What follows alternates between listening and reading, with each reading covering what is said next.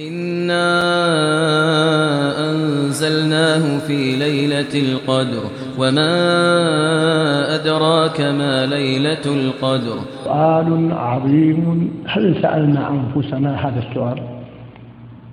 هذه الليلة لو فكر فيها المسلم تفكيرا جادا لما فاتته ليلة قدر في عمره. وكما ورد عن ابن مسعود لما اختلفوا في ليلة القدر قال جوابا حاسما جميلا رضي الله عنه قال من يقم العشر يصب ليلة القدر. وهذا هو المعنى الدقيق. تصوروا ليلة واحدة. ليلة القدر خير من ألف شهر. ولم يقل مثل ألف شهر. ونهاية الخيرية لا نعلم إلى أين ستصل. وقد تصل إلى أضعاف ذلك وما عند الله فهو كثير وعظيم. فكم فرطنا في هذه الليلة؟ قف يا أخي الكريم مع نفسك.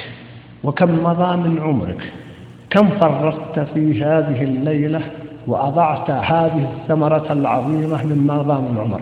لا نريد أن نقف عند ذلك وإنما نتعداه أن تتعاهد مع نفسك وأن تقوي عزيمتك ألا تفوتك. هذه الليلة ما بقي من عمرك. كيف ذلك؟ أقول كما بين النبي صلى الله عليه وسلم أنها في العشر وكما قال ابن مسعود رضي الله عنه من يقوم العشر يصب ليلة القدر ليلة عظيمة ليلة لها مكانتها ويكفي هذا الاستفهام العظيم وما أدراك ما ليلة القدر ثم يأتي جواب وما فيها من الخير ونزول الملائكة والانشراح وأنصح بعدم الانشغال في التنبؤات التي أضاعت على المسلمين هذه الليلة في سنوات كثيرة فلان رأى الرؤيا الفلانية وفلان يتوقع أنها في الفلانية. هذا لو استخدم في محيطه الصحيح فلا حرج فقد فعله الصحابة. أما ما يحدث اليوم فيقال للناس إنها في ليلة واحد وعشرين أو ثلاث وعشرين فيخسر الناس بقية العشر. حتى لو لم تكن فيها ليلة القدر كيف قد تكون فيها ليلة القدر؟ فعلينا أن ننتبه لهذا المسلك الخاطئ الذي وقع فيه وتداوله الناس.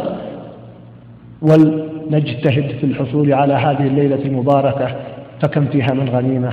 والله لا يفرط فيها مؤمن وهو يستطيع أن يغتنمها إلا من كان له عذر وصلى الله وسلم على نبينا محمد.